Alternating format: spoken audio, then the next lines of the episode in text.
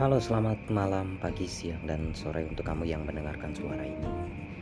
Selamat datang di podcast Anak Adam bersama gua di Teta Salvin Mansyah. Corak yang gak jelas hidupnya mau ke mana tapi selalu percaya apa yang dilakukannya hari ini adalah versi terbaik dari dirinya.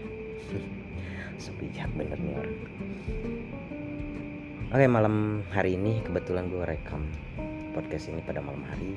Gue pengen bahas sesuatu yang mungkin bisa bikin kamu jadi tahu yang nggak tahu atau jadi nggak tahu yang tahu dan tahu yang tahu.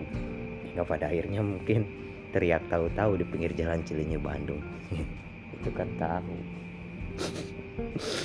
anyways gue pengen ngebahas tentang filosofi sepatu ya ini berkaitan juga sih sama judul di podcast gue yaitu sepatu kata. Mungkin ini juga jadi alasan kenapa gue ngambil sepatu sebagai main ideal atau gagasan dari podcast ini.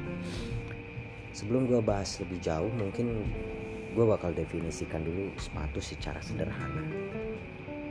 Um, kita tahu bahwa sepatu adalah alas kaki yang melindungi kaki kita dari berbagai ancaman yang menerka kaki kita ini bahasanya hiperbola banget ya sih.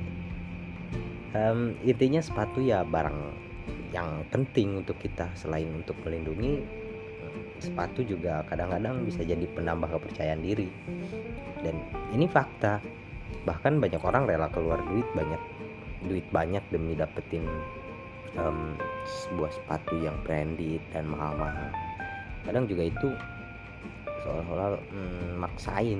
Padahal mereka nggak mampu dan ternyata emang sepatunya emang nggak cocok gak atau gak nyaman gitu. Cuman ya kepengen dilihat keren aja gitu. Tapi kalian tahu nggak sih sepatu itu bisa dijadikan suatu perumpamaan atau majas bagi lu yang hmm, sedang berkelana mencari cinta sejati mungkin? Ya elah sad boy banget sih